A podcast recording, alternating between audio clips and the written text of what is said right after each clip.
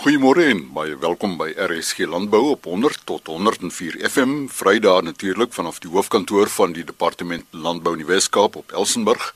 Chris Viljoen met die volgende bydraes: Die 17de jaar kongres van Agri Oos-Kaap, Winpro se opleidingsprogramme vir wingerdplaaswerkers. Cape Nature stel vandag 'n nuwe erfenis staproete by Gamka Berg Natuurreservaat bekend en interessante bewegings rondom landbou skole onder meer die groot hoeveelheid skole veral in die Oos-Kaap wat begin het om een van die drie landbouvakke, dit is landboubestuurspraktyke, landboutegnologie of landbouwetenskap aan te bied. Ons skop af met 'n terugblik op die 17de jaar kongres van Agri Oos-Kaap op Jeffreys Bay. Eben Du Plessis is voorsitter van die Beeldbou en Kommunikasiekomitee van die Unie. Ons lede het baie omgekrap en bekommerd opgedaag by die kongres na president Ramaphosa se laatnag aankondiging dat die regerende party grondonteiening sonder vergoeding gaan steun. So ehm um, ons kongres het op 'n baie negatiewe noot begin, maar die goeie nuus is dat elke lid na die 2 dae positief teruggekeer het na hulle huise toe. Uh ons president meneer Dagiston is vir nog 'n termyn verkies en het aan meer as 100 afgevaardigdes gevra om kalm te bly uh sodat hulle hulle vertroue in Agri SA kan plaas en verder te kan doen wat hulle die beste doen, naamlik om voedsel vir die nasie te produseer. Um ons was ook baie bevoorreg om van meneer Dan Kriek, die president van Agri SA, asook die wyle uh, meneer Henk van Wyk, president van Agri Noord-Kaap by ons te hê. Albei het beklemtoon dat eiendomsreg nog steeds die hoeksteen van ons bestaan is en dat Agri SA alles in hulle vermoë sal doen om dit te laat voortbestaan.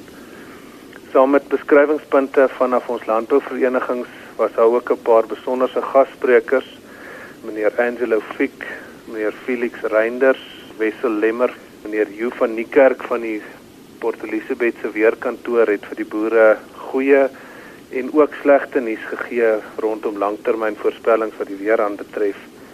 Professor John Westwood het met kongresgangers gesels en op 'n baie humoristiese wyse vir ons 'n bietjie meer insig gegee rondom besigheid in Suid-Afrika en wat hy vir die toekoms sien.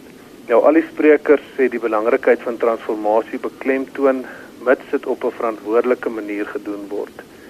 Ons lede kon dus baie goeie inligting en raad ontvang by die sprekers. Die aand by ons informele funksie was meneer Jan Strydom van die Langkloof aangewys as die 2018 Jongboer Toyota Jongboer van die jaar. Chris, dan wil ek van die geleentheid gebruik maak om vir Agri Oos-Kaap se raad asook in besonder vir ons kantoorpersoneel te bedank vir almal se harde werk vir 'n baie geslaagde en 'n absolute positiewe kongres. Dit was vir my net weer hierdie jaar beklemtoon hoe belangrik georganiseerde landbou in vandag se omstandighede is en die groot rol wat ons vorentoe gaan speel in die voortbestaan van kommersiële landbou. Die afloop van Agrioskaap se jaarkongres is geskets deur Eben Du Plessis wat tussen Middelburg en Koelsberg boer. Winpro se opleidingsprogramme vir wingerd plaaswerkers word vervolgens bespreek deur Hanno van Skalkwyk, wingerdadviseur van Winpro.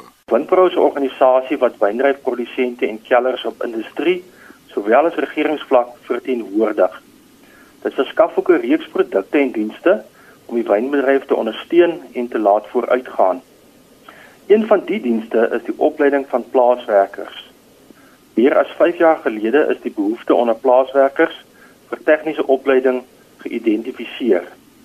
Daar was reeds geleenthede op 'n hoër vlak, maar op 'n basiese wingerdtegniese vlak was daar 'n groot leemte. Winprou het toe opleidingmateriaal begin saamstel wat uit 10 modules bestaan, waaronder snoei, loewebestuur, stokontwikkeling ensovoorts. Daar is ook DVD-pakkette ontwikkel wat die opleiding rig steun.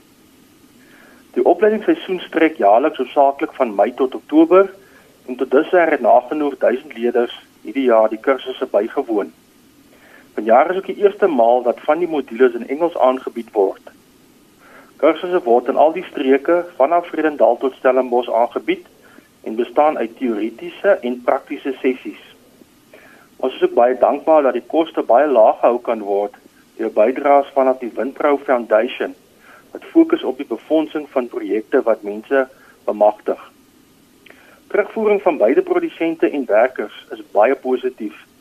Die werkers kan hul nuwe vaardighede op die plase toepas om produktiwiteit te verbeter en my ondervinding is dat leerders baie trots op hul nuwe kennis en sertifikate is. Die kursusse wat voltooi word, help ook om aan 'n loopbaanpad vir die werkers te bou.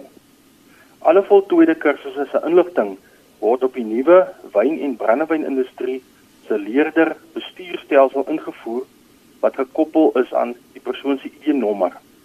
Sodoende word 'n elektroniese CV vir elke persoon opgebou om hul op 'n loopbaanpaaie te help. Ons is tans besig met die stokontwikkeling module en daarna volg loopbestuur vir die jaar. Jy kan gerus op ons webtuiste gaan kyk by www.winpro.co.za vir verdere besonderhede. Of stuur gerus vir my e-pos by hanu@winpro.co.za. Wingerdbou adviseur van Winpro, Hanu van Skalkwyk, sy e-posadres hanu@winno by winpro.co.za.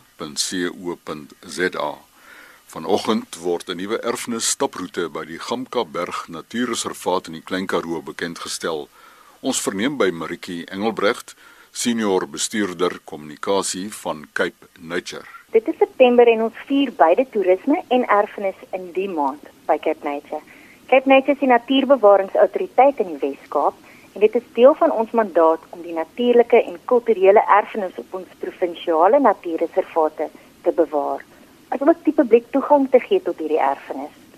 In die Wes-Kaap het ons 'n baie diverse en ryk biodiversiteit in die Kaapse Blommeryk wat ook 'n wêrelderfenisgebied is.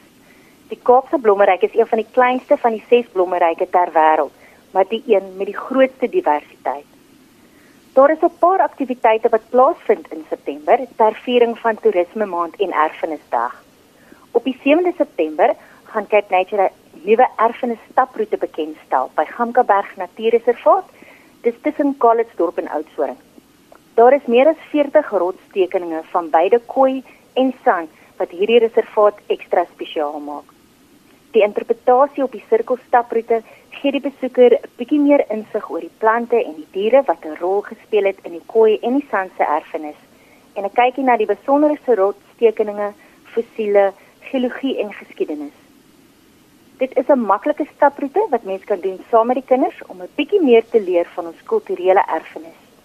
Gamkaberg het ook pragtige luukse akkommodasie in die vorm van staantente en 'n nuwe twee-persoon tent of witbrood suite wat Zame genoem word.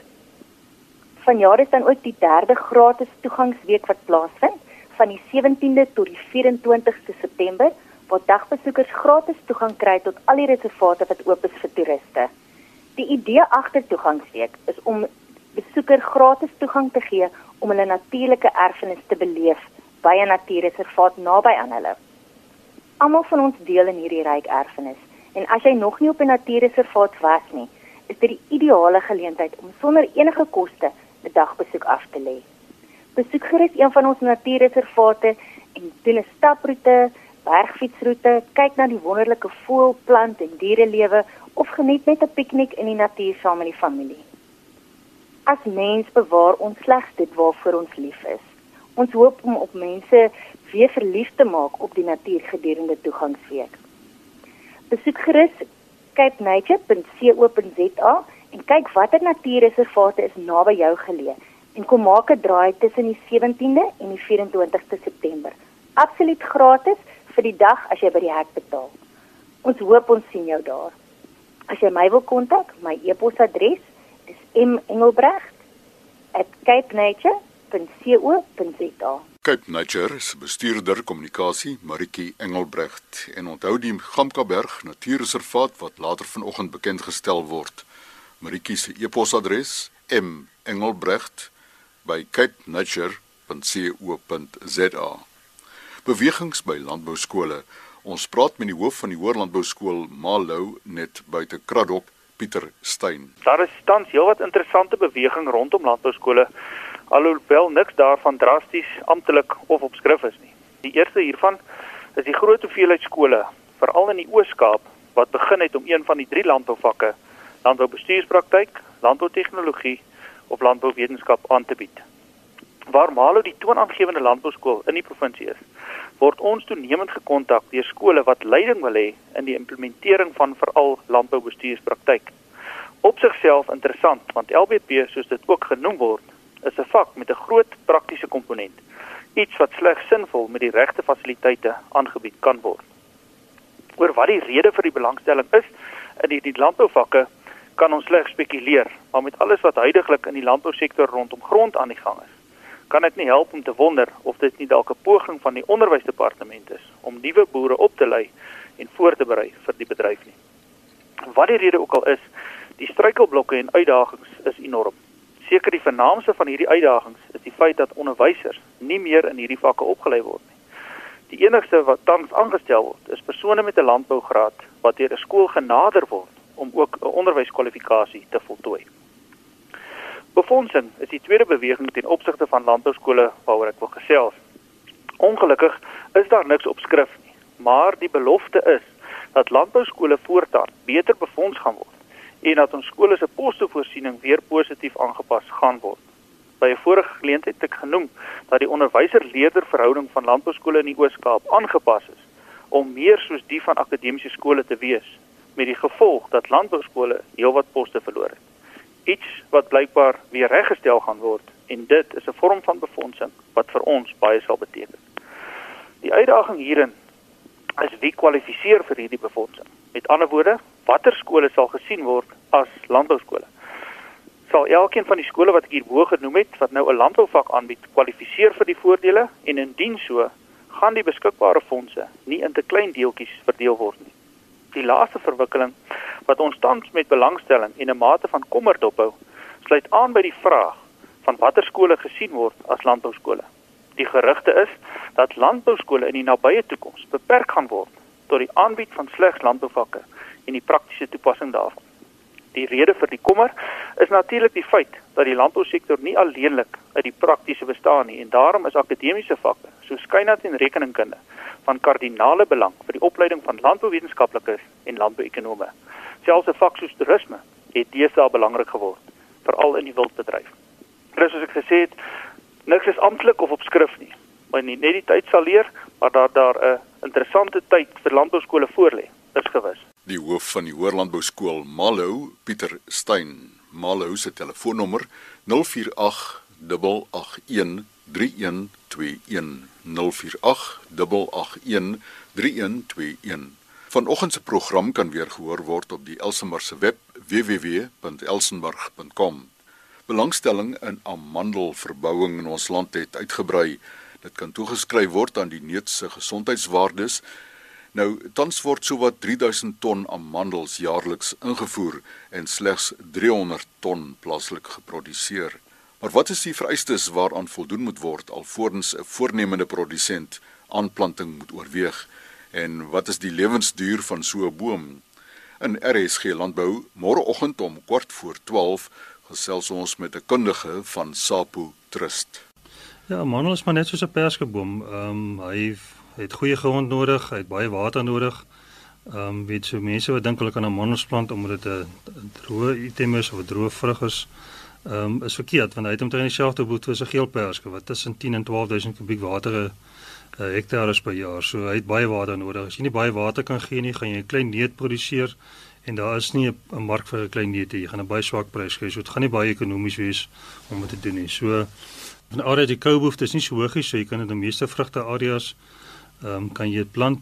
Maar dit moet nog steeds goeie grond wees en uh, jy moet ook maar gaan kyk na die aanpasbaarheid van hy gronde. Wat is die beperkings? Maar dit gaan weer veroorsaak wat se tipe onderstam jy gaan plant. So ek dink baie foute wat tans gemaak word is produsente wat baie belangstel in hierdie te plant, maar hulle gebruik verkeerde onderstam vir verskillende verkeerde grondtipes.